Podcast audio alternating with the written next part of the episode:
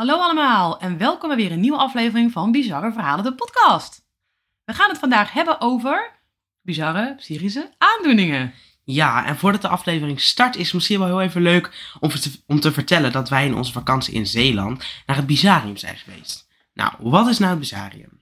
Het Bizarium is eigenlijk een soort museum in Sluis, in Zeeland. Nou, het is eigenlijk geen museum. Het is een privécollectie van een ontwerpersduo. En zij hebben eigenlijk uitvindingen die ze in ehm, boeken hebben zien staan of ergens anders hebben ze nagemaakt, maar op een hele mooie manier. En andere uitvindingen hebben ze opgekocht en daar hebben ze eigenlijk een soort tentoonstelling van gemaakt. het ziet er wel een beetje uit als een museum, maar ehm, ja, het is wel heel leuk om te weten dat het een privécollectie is. En je loopt dus door het, ehm, ja, langs alle uitvindingen. En je bent er ongeveer een uurtje, anderhalf Uurtje, uur? anderhalf ongeveer. Ja. En eh, nou, wat kun je daar allemaal zien? Nou, wat je ook kan zien is dus een vliegfiets, een wandelende duikboot, een haargroeihelm, een zwemparaplu, maar ook ontwerp van genieren zoals Leonardo da Vinci en Nikola Tesla.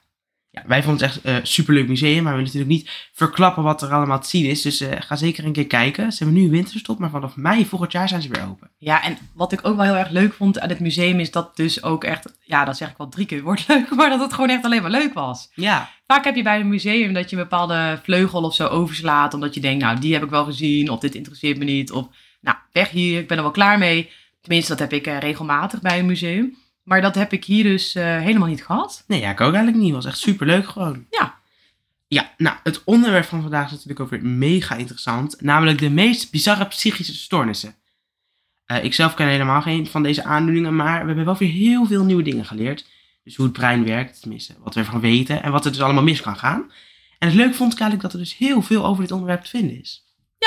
Want wat ik me ook besefte is dat eigenlijk het brein heel ingewikkeld in elkaar zit. Ehm, wat er dus ook al inderdaad wat je zegt, wat er allemaal mis kan gaan. En dat het dus ook zo is dat wij heel snel dingen gek noemen die anders zijn. Dus dat we zeggen, oh die persoon is gek of de dorpsgek. Of, en dat is natuurlijk ook niet zo gek dat we dat zeggen. Maar eigenlijk is het dus gewoon een stukje wat kapot is in de hersenen. Ja, dat vond ik wel heel interessant. Dat er dus zoveel deeltjes in je hersenen zijn waar iets mis mee kan gaan. En dat dat ook meteen je waarneming of ehm, hoe je dingen hoort of hoe je dingen uitspreekt. Eigenlijk alles ja, kan dus misgaan. Dat vond ik ook heel mooi in die aflevering. 100 dagen je hoofd. Ja, die hebben wij een half jaar geleden, een jaar geleden gekeken. Ongeveer een jaartje denk ik inmiddels. Ja, en dat stond toen, toen wisten we niet dat we deze aflevering gingen maken. Maar dat was wel een aflevering die heel, of eigenlijk een serie die heel mooi is. Daarbij gaan twee journalisten 100 dagen meelopen in een psychiatrische kliniek. Allebei zaten ze op andere locatie. En ehm, in eerste instantie dan leer je die mensen kennen. En dan denk je, goh, wel apart, rare uitingen hebben ze. Maar dan vervolgens ja, leer je die mensen langer kennen, ook op andere momenten. En gaan ze in gesprek met deze mensen. Hij vond het ook wel vaak heel ontroerend. Ja, ik vond het ook wel heftig om gewoon te zien dat, dus wel echt, dat, hun, dat dat hun waarheid is, zeg maar. Ja, en dat ze daar dan ook, sommige mensen komen er ook nooit meer vandaan. hè? nee, Die, die ja. wonen daar gewoon. Wat ook niet iedereen weet, is dat wij dus ook een Instagram-pagina hebben van bizarre verhalen. Eh, hier plaatsen wij dus beeldmateriaal over de aflevering. eh, maar we vertellen ook vaak waar de volgende aflevering over zal gaan. Dus volg deze dan zeker ook, zodat je nooit iets mist. Nee, mis je nooit iets. Nou, we gaan nu verder met de podcast. En we zijn eigenlijk ook best wel benieuwd hoeveel van deze syndromen je nou eigenlijk al kende. Want ik kende er één. Ik kende er één. Jij? Eh, ik ken er eigenlijk geen één. Nee. nou, wat je ook van ons weet is dat we niet van top 10 lijstjes houden of iets dergelijks. En ook deze keer hebben we weer een selectie gemaakt. Want we hebben, nou, ik denk nog een syndroom of 10 over. Waar we dan eventueel een tweede uitzending eh, of Ja. aflevering van gaan maken. Net als bij bizarre festivals. Dus dat, eh, de volgorde is heel random. Dus ik zou zeggen, laten we snel beginnen met het eerste syndroom. Ja, de eerste aandoening die we gaan bespreken is het Stendhal-syndroom. Dit syndroom wordt ook wel het Florence-syndroom genoemd, omdat het een aandoening is die in de stad Florence ontdekt werd door psychiater Graciella Margrini. Deze psychiater was in de jaren 70 en 80 het hoofd van de psychiatrische afdeling in het lokale ziekenhuis van Florence. Zij ontdekte dus een patroon bij de verwarde toeristen die opgenomen werden in het ziekenhuis. Wat gebeurde er? Al deze mensen waren in goede gezondheid van huis vertrokken, aangekomen in de stad Florence, kunst gaan bekijken en vervolgens nog een bepaald kunstwerk uit balans geraakt. Sommige mensen kregen bijvoorbeeld last van benauwdheid, paniekaanvallen, hartkloppingen, pijn op de borst en de angst om flauw te vallen. Maar er waren ook mensen bij wie het nog wat verder ging. Zij kregen bijvoorbeeld huilbuien, hallucinaties, geheugenverlies, paranoïde gedachten, hysterisch en agressief gedrag. En soms deden ze zelfs een poging om het kunstwerk te vernietigen. Dat, dat vond ik ook wel wel heftig. ja, dat vind je eigenlijk iets zo mooi. Maar dan krijg je dus ook een klacht. Ja, dat snap ik ook wel. Als je deze klachten krijgt, dat je denkt, ja, dat moet stoppen. Ja. Deze mensen werden dus naar de eerste hulp gebracht en vervolgens zelfs opgenomen in het ziekenhuis. Margarini onderzocht al deze gebeurtenissen en in 1979 schreef ze het boek La Syndrome di Stendhal. In dit boek beschrijft ze honderd verschillende gevallen van het Stendhal-syndroom. Margarini noemde het syndroom het Stendhal-syndroom naar de Franse schrijver Stendhal. Hij schreef in 1817 een boek met verslagen van zijn reis naar Italië. Hierin beschrijft hij zijn opwinding aan, na zijn bezoek aan Florence als volgt. Ik had dat niveau van emotie bereikt waar de hemelse sensaties van de kunsten en hartstochtelijke gevoelens elkaar ontmoeten. Toen ik Santa Croce verliet. Ja, je hebt altijd die moeilijke uitspraak, heb jij. Ik hè? kan het niet moeilijk uitleggen. Ik moet ook weer zo Ja. lachen inderdaad, want ik zat al erop te wachten. Maar jij hebt gewoon al deze al moeilijke deze woorden, moeilijke- mag je altijd doen. Dus La Nou. Santa Croce. ja. Toen ik Santa Croce verliet, had ik een hartslag. Het leven was voor mij opgedroogd. Ik liep in angst om te vallen. Stendhal werd lyrisch van de schoonheid en van de fresco's en van het idee dat hier bijzondere mannen begraven liggen, zoals Michelangelo, Machiavelli en Galileo, waardoor hij dus hartklompen kreeg en moeite had om niet te vallen. Ja, en dat zie je dus eigenlijk hè, van als je nadenkt over Florence en de kunst. Van de meeste eh, toeristen zijn ook wel enigszins onder, het onder de indruk van het kunstaanbod. Maar die gaan gewoon lekker op het terrasje zitten of lekker uit eten en gewoon nagenieten van de indrukken. Maar hoe kan het dus zo zijn, dat, dat vroeg ik me dus af, van dat je dus, eh, waarom krijgen deze mensen dat? En wat gebeurt er dan dat dus zodanig ehm, ja, onder de indruk raakt dat je er echt dus van opgenomen moet worden of naar de eerste hulp van moet? Nou, wat ik daarover kon vinden is, het manifesteert zich bij bepaalde mensen bij het zien van buitengewoon mooie kunstwerken. En met name als ze in eh, krappe ruimtes eh, bevinden. Deze aandoening komt in Florence zo'n tien keer per jaar voor. Nou, dat vond ik al, eh, dat vond ik al best wel... Ja, Ja, is ook echt wel veel hoor. ja, tien keer klinkt niet, klinkt niet veel, maar als je denkt dat mensen van een ziekenhuis moeten liggen van een kunstwerk alleen. Ja, dat, Dan is echt wel veel. Ja, en het zal ook niet alleen in Florence zijn, toch? Nee. Ik bedoel, dat, dit zal ook ergens anders ook voorkomen. De patiënten zijn meestal mannen tussen de 25 en 40 jaar oud. En ze hebben een goede schoolopleiding. Ze zijn alleen reizend. Ze komen vaak uit West-Europa, Noord-Amerika of Japan. En ze hebben hun reisroute ook gekozen op basis van hun artistieke interesses. Ja, zoals ik al zei, ze worden echt opgenomen in het ziekenhuis, deze mensen. En wat gebeurt er daarna? Duurt het lang? Zijn er medicijnen voor? Dat heb ik geprobeerd uit te zoeken. Ehm Dr. Margherini wijst erop dat het vaak voldoende is om simpelweg de mensen bij de kunstwerken weg te halen om de symptomen te verminderen. De symptomen zijn relatief kortdurend en verdwijnen meestal binnen enkele uren, maar er zijn ook mensen waarbij de symptomen tot een week aanhielden. Wanneer de symptomen ernstiger zijn en niet vanzelf verdwijnen, kunnen er medicijnen worden gegeven, zoals angstremmende medicatie en of antidepressiva. We zagen dat er ook een film over is gemaakt in 1996 door regisseur Dario Argento. Deze regisseur is bekend geworden door zijn horrorfilms en La Syndrome Stendhal was dan ook een horror slash thrillerfilm. Ja, en wat die, eh, wat die Argento vertelde, is dat hij als kind zelf ehm, Stendhal-syndroom heeft meegemaakt. Terwijl, zijn ouders, terwijl hij met zijn ouders door Athene reisde, beklom hij de trappen van het Parthenon. En toen werd hij overmand door een trance die ervoor zorgde dat zijn ouders hem echt urenlang kwijtraakten. Nou, dat is hem altijd bijgebleven, omdat die ervaring zo sterk was. En toen heeft hij dus later een film over gemaakt. Ook volgens mij geïnspireerd op het boek van Margherini. Dus toen hij dat las, dacht hij, hey, dit is voor mij heel bekend. En toen hij dus regisseur werd, heeft hij daar ook een horrorfilm van gemaakt. Dus gebaseerd op zijn eigen ervaring ook. En ehm, het verhaal gaat dan dat er een, ehm, een, eh, ja, een, politieagent is, die is op zoek naar een crimineel. Maar zij lijdt aan het Stendhal-syndroom. En dat weet die crimineel, dus die gaat zich ook steeds tussen allemaal kunstwerken en zo bevinden. Dat is wat ik er een beetje van begreep. Dus dan wordt het ook best wel heel moeilijk natuurlijk om iemand op te sporen. Nou, over deze film zijn wel wat bijzondere feiten te vertellen. Eh, het was de eerste Italiaanse film waarin CGI werd gebruikt. Zijn dochter speelde de hoofdrol in de film en de openingsscène werd opgenomen in Florence in de beroemde Galleria degli Uffizi in Italië. Dario Argento is tot nu toe de enige regisseur die ooit toestemming heeft gekregen om daar te filmen. Best bijzonder dus allemaal. Ja, inderdaad. En dat CGI, dat het toen in de 96 al, nou wel de eerste Ja, natuurlijk. is, ja, wel vroeg. Ja, best wel lang geleden. Nou, wat ik ook nog dacht over dit syndroom is dat ik het ook best wel sneu vond. Want dan denk ik, ja, je hebt een paar weken vakantie per jaar, je plant een reis en hebt allerlei hoge verwachtingen en dan beland je dus in het ziekenhuis. dat is natuurlijk wel echt iets wat je niet... eh, Dat, zou, dat, dat, dat, dat wil je natuurlijk echt niet. Nee, maar hoe... Toen, ah, ja, ik moest dus ook denken aan concerten vroeger. Had je bijvoorbeeld, eh, ik ben toen een paar keer naar Michael Jackson concert geweest. En dan moet je zo zien dat je dan heel lang nog in de rij stond voor een kaartje. En dan maanden later was het concert. Stond je heel lang in de rij voordat de deuren open gingen. En vervolgens stond je nog heel lang te wachten tot dan in dit geval Michael Jackson opkwam. Maar daar vielen er echt ongelooflijk veel meiden flauw. En dan dacht ik ook altijd van, ja, dat is zonde, toch? Dat Ja, dat maakt is wel echt zonde. Heb je, heb je al die tijd zitten wachten en dan val je volgens flauw als hij binnenkomt. Ja, ja, en dat weten die meiden natuurlijk zelf ook wel. Maar Ja.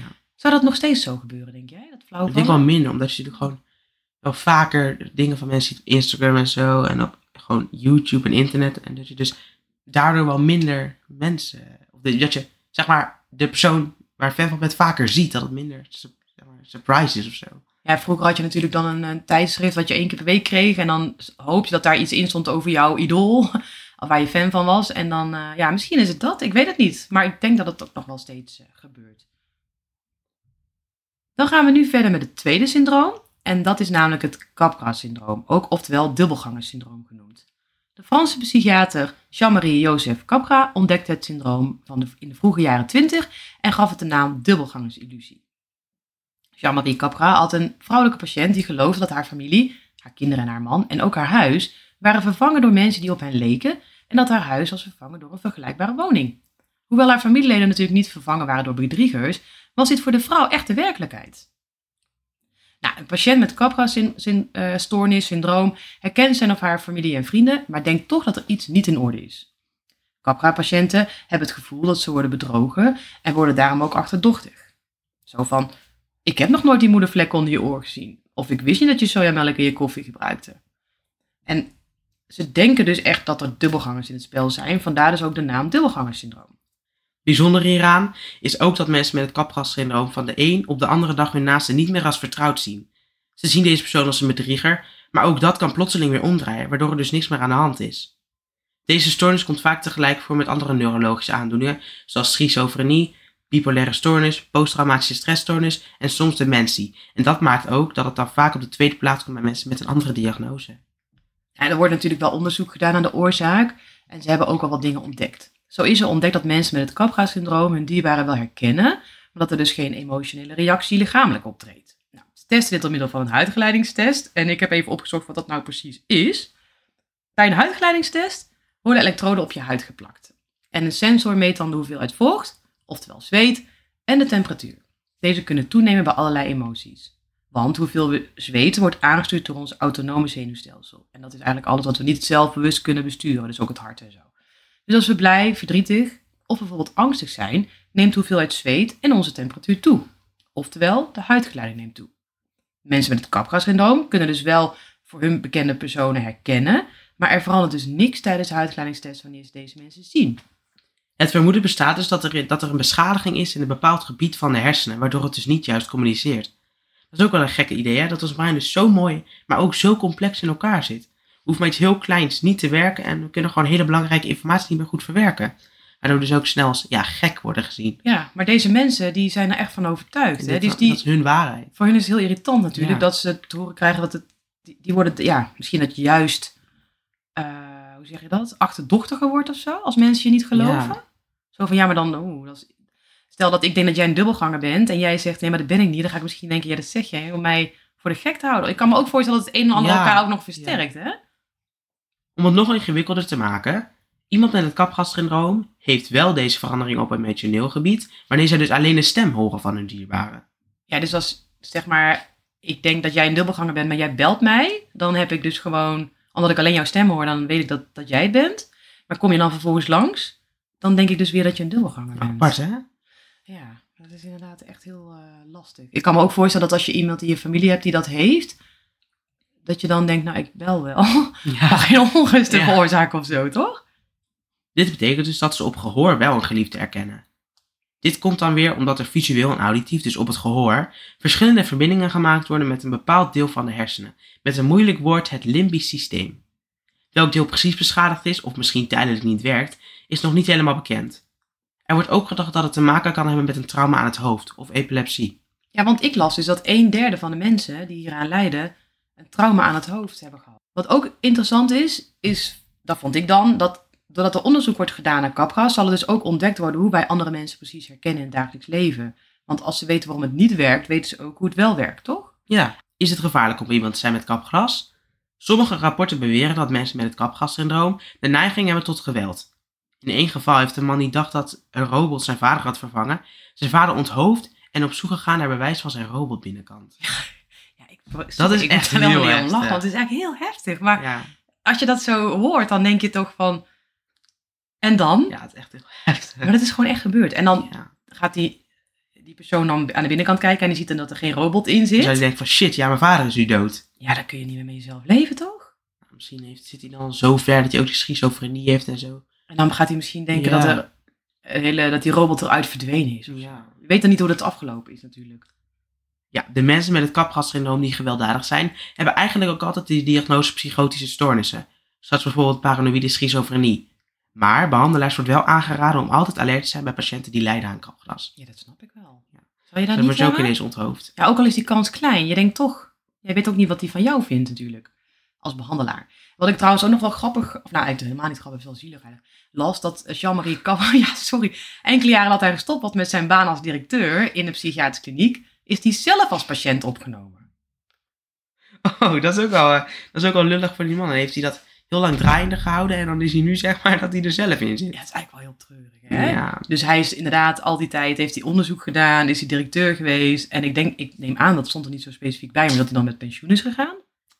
Of gewoon ja dat denk ik wel. Ik denk dat hij met pensioen is gegaan. En echt een paar jaar later, hè, dus twee, drie jaar later, zat hij dus zelf in die kliniek. Waar hij, dat, Heel apart. Het volgende syndroom wat we gaan bespreken is het alien hand syndroom. Bij dit syndroom heb je dus één hand die zijn eigen leven lijkt te leiden. Het syndroom is in 1908 voor het eerst beschreven bij een patiënt die een beroerte had gehad. Later werd het ook beschreven bij patiënten met epilepsie, waarbij ze de verbinding tussen de twee hersenhelften hadden doorgesneden. Daar heb je dus filmpjes van gezien en dat was best heel bijzonder om te zien. Eh, in het eerste filmpje zagen we, van een, eh, eh, zagen we een vrouw in, rond de 90 ongeveer in een ziekenhuisbed. En zij probeerde uit te leggen wat haar hand deed. Oh, dat was een hele oude, oude, hè, de oude mevrouw en die ligt in haar bed en, zij, en je hoort gewoon haar wanhoop bijna over die hand. En Zo zij, van, hij wil mij, ja, dat zeg Ja, zij probeert dat. eh, Maar misschien is het leuk dat we een stukje laten horen. We moeten er wel van tevoren even bij zeggen dat de geluidskwaliteit is niet zo goed. En het is Vlaams, dus je moet goed je best doen om Ja. te kunnen verstaan. Ja, en het is geluid wat we van een filmpje hebben gehaald. Dus ja, ik neem aan dat het met een telefoon of zo gefilmd is. En, dus nou, ja, ik hoop dat jullie er wel iets van kunnen meekrijgen. Dus we laten het heel even horen nu. Dat is mijn zakdoek, hè? Allee, laat dat los. Wat is met die naam toch gebeurd? Zeg, zie je? Je dat, dat alweer kapot? Kan niemand een keer niet doen daarvoor, alleen? Je moet dat zakdoekje niet pakken. Dat is vuil. En jij zit daar met je handen in. In mij snot. Allee, blijf daar. Ja, ik vond het zelf echt een heel zielig filmpje. Als je deze vrouw hoort praten en ook het beeld erbij ziet, dan zie je dus echt dat zij best doet om het uit te leggen. En ze is ook echt gewoon echt boos op die hand. En je weet dus dat er gewoon niks aan te doen is. Ja, en ook moeilijk denk ik wel voor die familie om naar te kijken. Ja, dat, je zo, dat je zo je oma of je moeder zo... eh, Ja. Nou, we hebben ook een filmpje gezien van iemand anders. En dan zie je die persoon bijvoorbeeld het licht aandoen. En de andere hand doet dan meteen het licht weer uit. En dat keer op keer. En dat was ook bijvoorbeeld met het bed opdekken.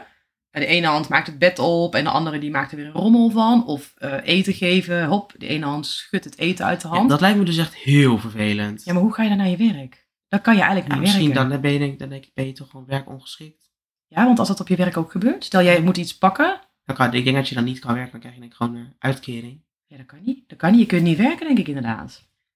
Mensen met het alien hand syndroom praten soms ook over de hand alsof het een eigen persoonlijkheid is. Zoals, ja, hij wil mij niet loslaten of het lukt me niet om hem te laten luisteren. Sommige patiënten die straffen dus de kwade hand ook opzettelijk met de goede hand, door hem bijvoorbeeld te slaan. Ja, en er zijn dus ook nog verschillende soorten alien hand syndromen. En er wordt dan vaak verschil, eh, een verschil gemaakt tussen de frontale, de kolossale en de zintuigelijke variant. En dat, dat zijn wat ingewikkelde woorden voor de plaatsen waar het in je hersenen zit. Dus bij de frontale variant lijkt het alsof de patiënt constant iets probeert te pakken. De hand ehm, kan ook proberen de patiënt zelf te pakken. En als de patiënt het voorwerp eenmaal heeft, is het moeilijk het voorwerp weer los te laten. Deze variant komt vaker voor bij de rechterhand dan bij de linkerhand. Bij de kolossale variant werkt de slechte hand de goede hand tegen. Dus als een patiënt net het licht heeft uitgedaan en met de goede hand doet de slechte hand het weer uit of weer aan, hè, net zoals we net zagen. En ander verschijnsel van deze variant is dat, de ene hand niet, dat, het, dat het de ene hand niet of bijna niet lukt een bepaalde handeling uit te voeren. En dat de andere hand die handeling, diezelfde handeling, dwangmatig uitvoert. Nou, de meest zeldzame vorm is de zintuigelijke variant. Deze variant gaat samen met de sensatie van gevoelloosheid of verlamming van de hand. Hierdoor is de patiënt niet goed in staat om te voelen wat hij of zij met die hand doet.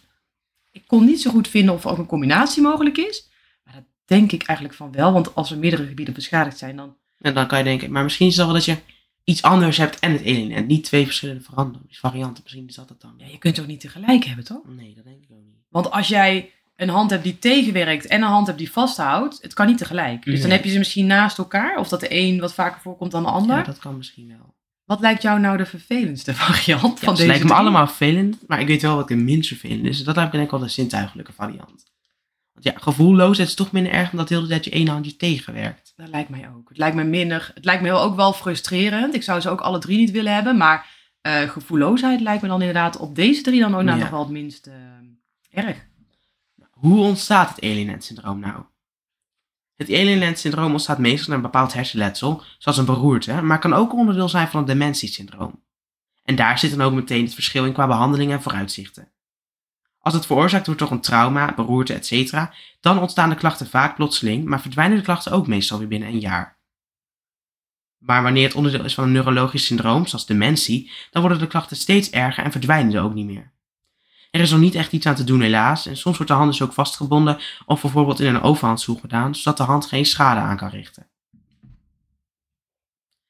Het volgende syndroom heeft een hele bijzondere naam, namelijk het Alice in Wonderland syndroom. Ja, hier hebben ze echt super veel te winnen, maar ik had het dus echt nog nooit van gehoord. Nee, ik dus ook niet. Terwijl als je gaat googlen, dan kom je best wel veel... echt best wel veel tegen. Ja. De meeste mensen kennen het verhaal of de film van Alice in Wonderland en op een bepaald moment komt Alice koekjes en een drankje tegen waarmee ze zichzelf heel groot of heel klein kan maken. Bij het Alice in Wonderland syndroom zie je jezelf of jouw omgeving ook ineens veranderen van vorm, grootte of kleur. Vandaar dus de naam. Nou, we hebben er verschillende video's over gekeken en informatie over gelezen. En bij een aflevering van de Psycho Show van BNN is er een vrouw geïnterviewd die dit heeft. Vertelt hierover het volgende. Het kan gaan van iets kleins, zoals dat mijn gezicht begint te golven, tot aan dat mijn gezicht kan groeien tot een skippiebalgrootte. Mijn handen worden klauwen, mijn lichaam verdwijnt en alle kleuren en geluiden om me heen zijn heftiger. Ik denk, ja, het klinkt ook eigenlijk echt als een soort sprookje of een enge film. Het is, een van gewoon, het is gewoon een soort van combinatie. Het is een horrorsprookje, zeg maar. Een eng sprookje. Het ligt er misschien ook aan wat je ziet, of Ja, dat, dat welke gradatie is iets. Ja. Maar fijn lijkt me niet. Een jongen die ook last heeft van het syndroom vertelde het volgende. Plotseling begonnen objecten kleiner te worden en leek ze verder weg te staan, of groter en dichterbij. Het voelde alsof ik korter en kleiner werd, alsof ik kromp. Soms lijkt het net alsof mensen niet groter zijn dan mijn wijsvinger. En soms zie ik de jaloezie in het raam of de televisie op en neer gaan. Of lijkt het of mijn been of arm heen en weer slingert. Ik hoor soms mensen praten, heel hard en dichtbij, of juist zacht en ver weg. Het komt soms ook voor dat ik een migraineaanval krijg, in combinatie met rode ogen, lichtflitsen of een gevoel van duizeligheid. Wat is er bekend over het Alice in Wonderland syndroom? De ogen van een Alice in Wonderland syndroom patiënt zijn normaal ontwikkeld, maar de persoon in kwestie ziet objecten verkeerd, dus in de verkeerde grootte of de vorm of in een onjuist perspectief. Dit houdt in dat mensen, auto's, gebouwen, etc. veel kleiner of groter lijken dan ze in werkelijkheid zijn, of dat ze korter of, verder weg staan dan in werkelijkheid. Een gang kan bijvoorbeeld heel lang lijken of de grond te dichtbij. Soms raakt de patiënt ook het gevoel voor tijd kwijt. Een probleem dat vergelijkbaar is met het kwijtraken van het gevoel voor ruimte. Het lijkt dan of de tijd heel langzaam verstrijkt. Het kwijtraken van het, kwijtraken van het gevoel van tijd, ruimte en inzicht leidt ook tot een verandering in de snelheidswaarneming. Een patiënt kan bijvoorbeeld het gevoel hebben dat hij ongecontroleerd aan het sprinten is op een roltrap, terwijl in werkelijkheid hij zich voetje voor voetje voorbeweegt. Ja, dat lijkt me dus echt super eng. Hè? Dat, je gewoon, dat, iedereen, dat jij denkt dat je heel snel aan het rennen bent en dat iedereen gewoon ja, aan je kant duwt. Omdat je heel te laat traag loopt. Ja, dat lijkt me echt heel raar. Ik, eh, nee. Een ander symptoom van Alice in Wonderland syndroom is geluidsvervorming. Elke kleine beweging maakt bijvoorbeeld een kletterend geluid. Dit kan een Alice in Wonderland syndroom patiënt paranoïde maken en zelfs bang om zich te bewegen. Hoe kan het gebeuren? Nou, jij hebt je hier toch meer in verdiept? Dat klopt. En ehm, nou, ik zal dat even proberen iets uit een beetje toe te lichten. In het brein hebben we het perceptuele netwerk. Dit netwerk bestaat uit heel veel gebieden in de hersenen die zich bezighouden met de waarneming. Dus alles wat je ziet, hoort, ruikt, etc. Onderdelen van deze gebieden kunnen tijdelijk ontsporen. En wanneer dat dus gebeurt, verandert ook je waarneming. Nou, dit kan dus ontstaan door epileptische activiteiten, migraine, een infectie of door drugsgebruik. En soms weten ze het ook niet. Psychiater Jan-Dirk Blom legt ook nog uit wat het dan het verschil is tussen dingen zien bij Alice in Wonderland syndroom of het hebben van hallucinaties. Daarover zegt hij dat je wanneer je hallucineert dingen ziet of hoort die er niet zijn. Dus bijvoorbeeld die roze konijntjes. Ja, maar wanneer je dus last hebt van het Alice in Wonderland syndroom, zie je dingen die daadwerkelijk zijn, maar dan vervormd. Diezelfde psychiater vertelde er ook nog meer over in een video op de site van Universiteit van Nederland. Deze site is trouwens echt een aanrader als je een nieuwsgierig persoon bent. Er worden heel, hele diverse onderwerpen besproken in video's van ongeveer 15 minuutjes lang, dus heel erg interessant. En hij vertelde over zichzelf dat hij ook de ervaring had in de tropen toen hij hele hoge koorts had. Hij zag zijn handen enorm groot worden bijvoorbeeld. Ook zijn dochter maakte iets soortgelijks mee toen ze griep had. Hij denkt dan ook dat het wellicht erfelijk is. Ja, ik denk dus ook dat er verschillende gradaties zijn. Want ik lees dus verhalen van dat iemand dus inderdaad zijn handen alleen groot ziet. Maar ik lees ook verhalen dat mensen inderdaad ruimte, tijd, eh, heel de ruimte verdwijnt. Echt totaalplaatje, zeg maar. En in dat het geluid erbij, bij bewegingen. Dus volgens mij heb je ook verschillende vormen. En wat ik ook wel heel interessant vond, is dat hij vertelde van een eh, vrouw die hij in de praktijk had gezien, van rond de 50. En deze vrouw had al vanaf haar jeugd eh, last van het feit dat als ze iemand sprak, dat in het begin, hè, ze was met iemand in gesprek en dat gezicht zag er gewoon normaal uit, maar na enkele minuten, een minuut of twee, dan veranderde dat gezicht standaard in een drakenhoofd. Dus dan keek ze gewoon naar een drakenhoofd. En zij dacht eigenlijk toen ze jong was van, nou, iedereen heeft dit, dus ze wist eigenlijk nog niet dat het raar was. Maar hoe ouder ze werd, dat ze erachter kwam natuurlijk dat het niet normaal was. En waar ze met name last van had, was dat ze, ja, ze kon het gezicht niet meer aflezen. Dus ze kon niet zien of iemand boos of verdrietig of blij was, want ja, je ziet gewoon dat drakengezicht.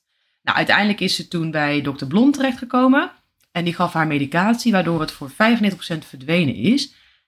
Dat vond ik ook wel heel mooi aan deze psychiater, dat hij haar dus niet als een eh, gekke vrouw zag, maar echt zijn best gedaan heeft om haar serieus te nemen en dus ook, althans hij nam haar heel serieus, en medicatie te geven, waardoor haar hele leven gewoon veranderd is.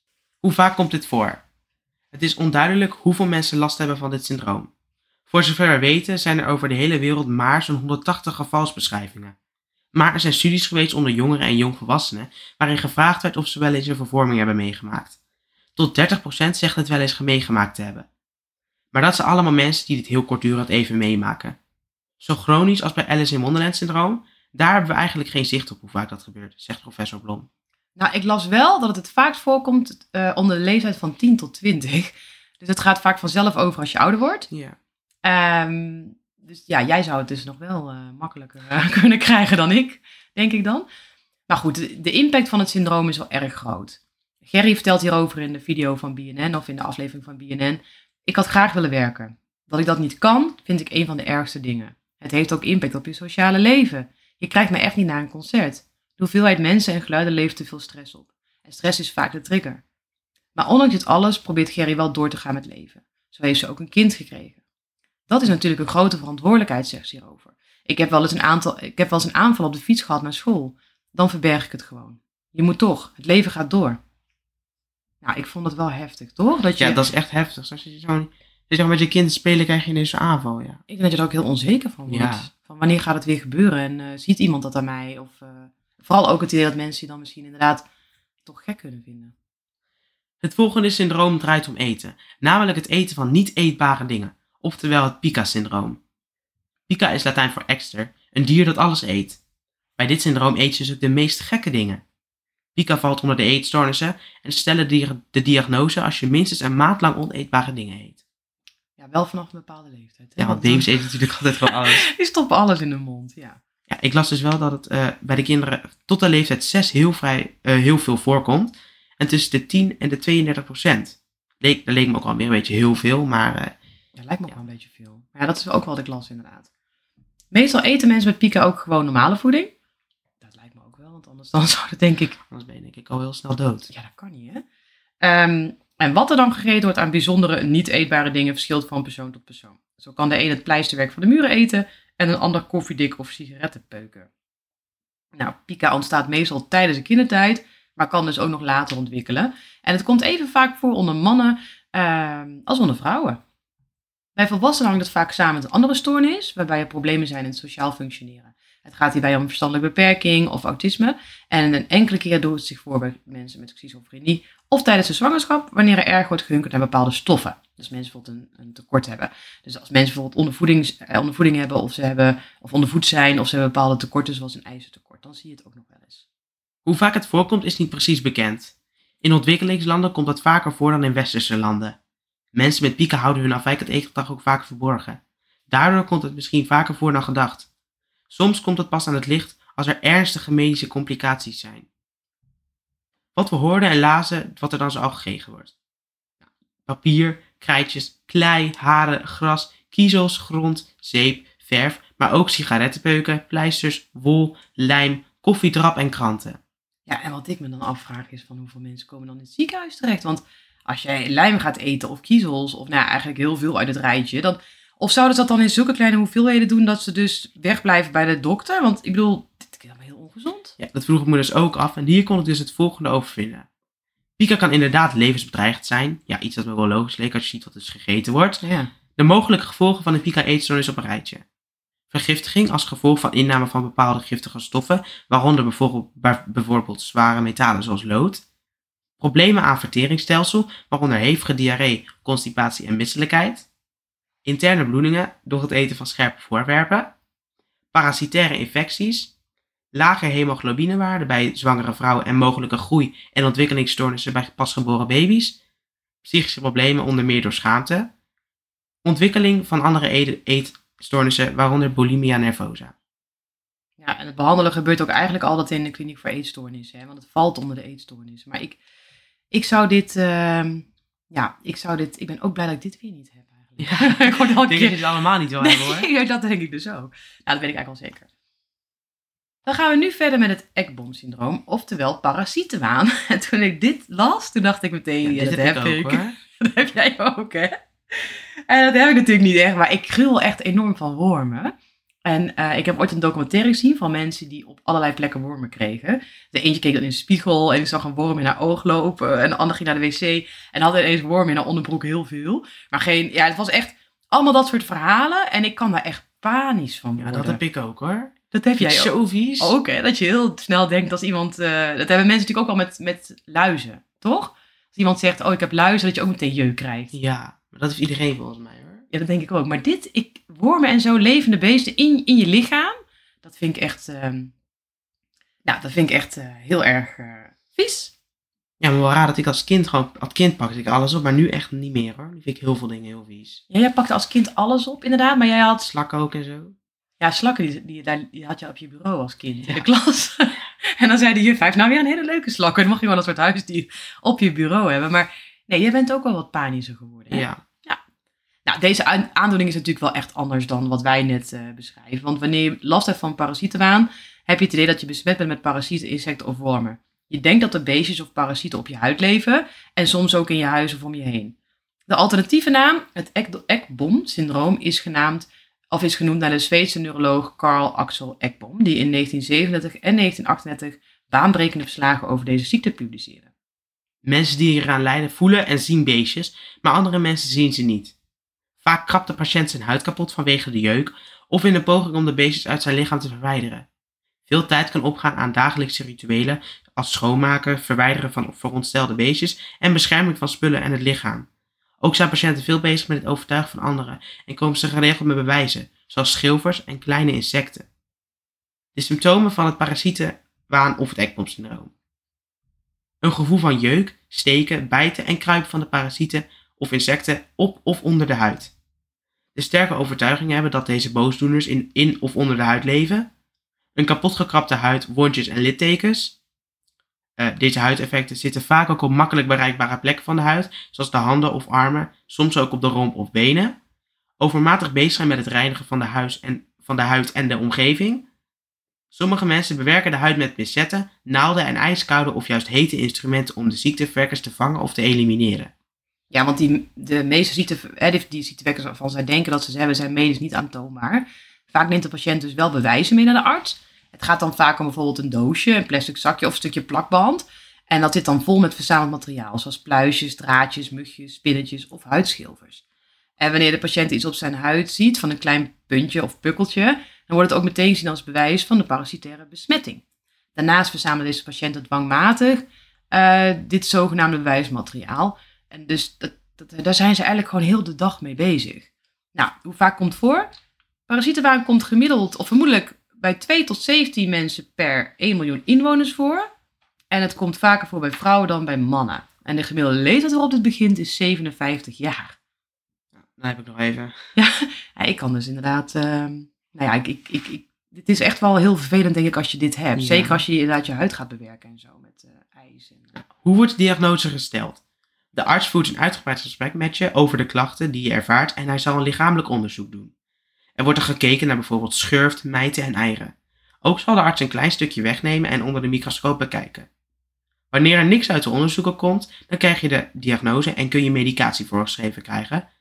Maar heel vaak geloven patiënten niet dat ze lijden aan een waan en nemen ze dus ook geen medicatie. Wat zijn de oorzaken van deze wanen? Het komt voor bij mensen die een psychiatrische stoornis hebben, zoals schizofrenie, maar ook bijvoorbeeld bij depressie, bepaalde medicijnen of drugsgebruik. Maar het kan ook een lichamelijke aandoening zijn, uh, dus ja, als oorzaak, uh, zoals bij een traag schildklier, kanker, een beroerte, tuberculose, neurologische aandoeningen, vitamine B12 tekort en diabetes.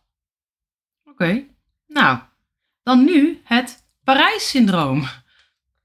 Ja, uh, ik dacht in instantie toen ik deze naam las hetzelfde van, het was een beetje hetzelfde als Florence-syndroom, maar het is eigenlijk echt precies het tegenovergestelde. Ja, het is inderdaad precies het tegenovergestelde. Het is wel een vrij recent ontdekt syndroom. In 1986 stelde professor Hiroyaki Ota, een Japanse psychiater in Parijs, voor het eerst de diagnose van het syndroom van Parijs.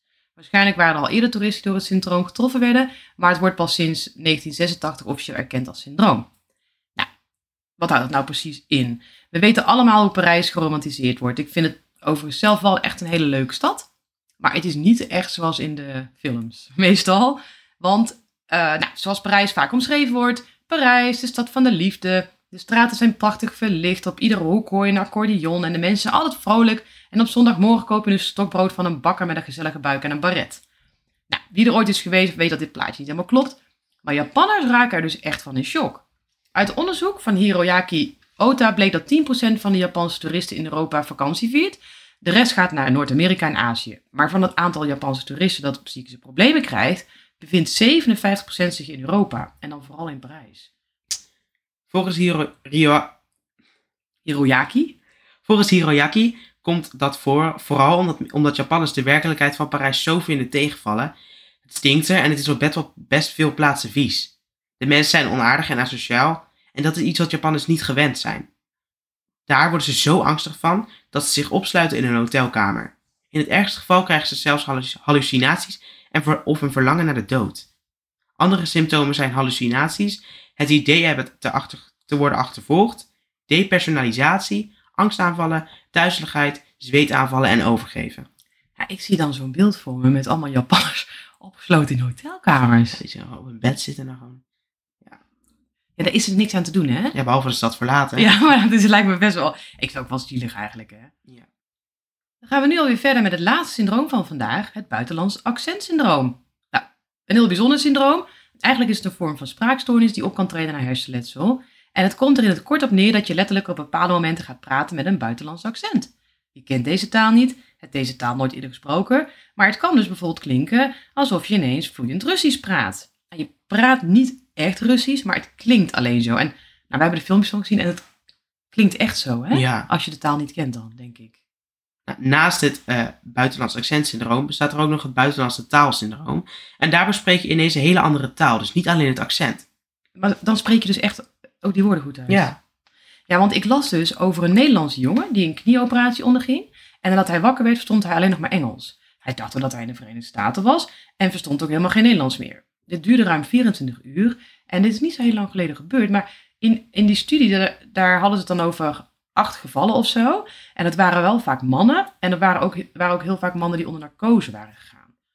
Ja, het buitenlandse accentsyndroom waar we het nu over hebben, komt wel iets vaker voor. De aandoening werd voor het eerst beschreven in 1907 door de Franse neuroloog Pierre Marie. En een ander vroeg geval werd gemeld in een Tsjechisch onderzoek in 1919, uitgevoerd door de Duitse internist Alois Pick. Er is, er is ook een beschrijving van een jonge vrouw uit Noorwegen in 1941, genaamd Astrid. Zij liep een hoofdwond op door granaatscherven tijdens een luchtaanval. Na het herstel had de vrouw een sterk Duits accent en werd ze vervolgens gemeden door andere Noren. Ja, dat snap ik wel. Nou, dat is ook wel zielig voor die vrouw. Dat is heel zielig inderdaad. Hoe ontstaat het? Vaak ontstaat het na hersenletsel, migraine, kanker of MS, maar komt ook soms vaker voor bij eh, schizofrenie. Heel soms worden kinderen er al mee geboren. Nou, hoe het ontstaat, daar zijn ze nog niet helemaal over uit. Maar een vermoeden is dat het letsel de planning en aansturing van de spieren, die betrokken zijn bij de articulatie van klanken, in de war stuurt.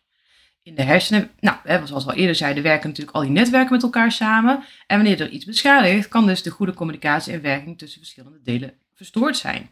Het komt vaker voor bij vrouwen dan bij mannen. De gemiddelde leeftijd ligt tussen de 25 en 49 jaar. En het is toch wel heel zeldzaam. Ja, wij zagen ook een aflevering van Je zal het maar hebben. Hierin wordt een vrouw gevolgd die lijdt aan het buitenlands accentsyndroom. Zij is gevallen op haar hoofd en na enkele weken kreeg ze ineens last van dit syndroom. Naast het praten met een buitenlands accent is ze op bepaalde momenten ook erg moe en ervaart ze even evenwichtsproblemen. Ja, want je ziet haar dan in de Efteling, hè? dus ze gaan dan een achtbaan in, de Baron. En dan gaan ze eigenlijk kijken of ze door stress de symptomen kunnen opwekken. Want door stress hè, dan ontstaan die, uh, ontstaat het accent vaak. En na de achtbaanrit spreekt ze wel een beetje met een Belgisch accent. Dat ze ineens zegt, allee, dat vond ik ook wel, ja. Dus je ziet wel iets, maar dat neemt heel snel weer af. En het is nog niet helemaal wat ze willen laten zien. Dus dan gaan ze praten met die vrouw. En um, dan, dan, dan zegt zij ook van, ja, ik, het lijkt op dat ik Russisch spreek. Maar, of praat. Maar, mensen, maar zij heeft zelf dan het idee dat ze gewoon Nederlands praat. Dat vind ik ook zo uh, apart. En ze snapt dan ook niet dat ze op dat moment niet begrepen wordt. Want zij denkt, ja, ik praat gewoon Nederlands. Maar mensen om haar heen die denken dat ze Russisch praat. En ja. Vervolgens vertelt ze dat ze ook vaak niet geloofd wordt en dat mensen dus denken dat het syndroom niet echt is. Ja, dat snap ik ook wel. Het ziet er natuurlijk wel heel raar uit. Als je ineens Russisch gaat praten, dan denk je van, ja, hoe kan dit denken dan mensen? Ja, of dat je denkt, ze, zich, ze, ze, houdt ze me nou voor de gek? Ja. Dat ja, maar goed, dat zag je eigenlijk wel van, vrij snel dat dat niet zo was, toch? Ja, en aan het einde gaat de vrouw nogmaals in de baron. En wanneer ze eruit komt, zie je dat ze praat met een Russisch accent en wat wankel loopt. Door de stress is het syndroom misschien veel meer getriggerd. Is er iets aan te doen? De behandeling van het syndroom bestaat uit intensieve logopedie, gebruik van spiegels, fonetisch bewustzijntraining, het lezen van lijsten en teksten. Behandeling moet per patiënt worden bepaald en ongeveer een kwart van de patiënten gaat na behandeling in remissie, oftewel het komt weer terug. Ja, het lijkt me best wel pittig. Ik denk ja. dat je toch heel snel denkt van waarom praat je niet gewoon normaal? Ja. En als je dat hebt, dan, uh, nou ja, goed. Uh, een heleboel aandoeningen die we allemaal denk ik liever niet willen hebben. Nee. En uh, we zijn dan ook alweer aangekomen bij het einde van deze aflevering. Wij vonden het een enorm interessant onderwerp en we hopen natuurlijk dat jullie het ook vonden. Ja. Wil je op de hoogte blijven van de nieuwe afleveringen en wil je dus beeldmateriaal zien bij elke aflevering, volg ons dan zeker op Instagram. Ja, en hier gaan we ook dus bekendmaken waar onze volgende aflevering over zal gaan. Dus kijk zeker uh, even op die site. En dan zeggen we nu tot volgende keer. Tot de volgende keer. Luister je graag naar deze podcast? Laat de maker weten dat je waardeert wat hij of zij doet en geef een digitale fooi. Dat kan zonder abonnement, snel en simpel via fooiepot.com. Fooiepot met een d.com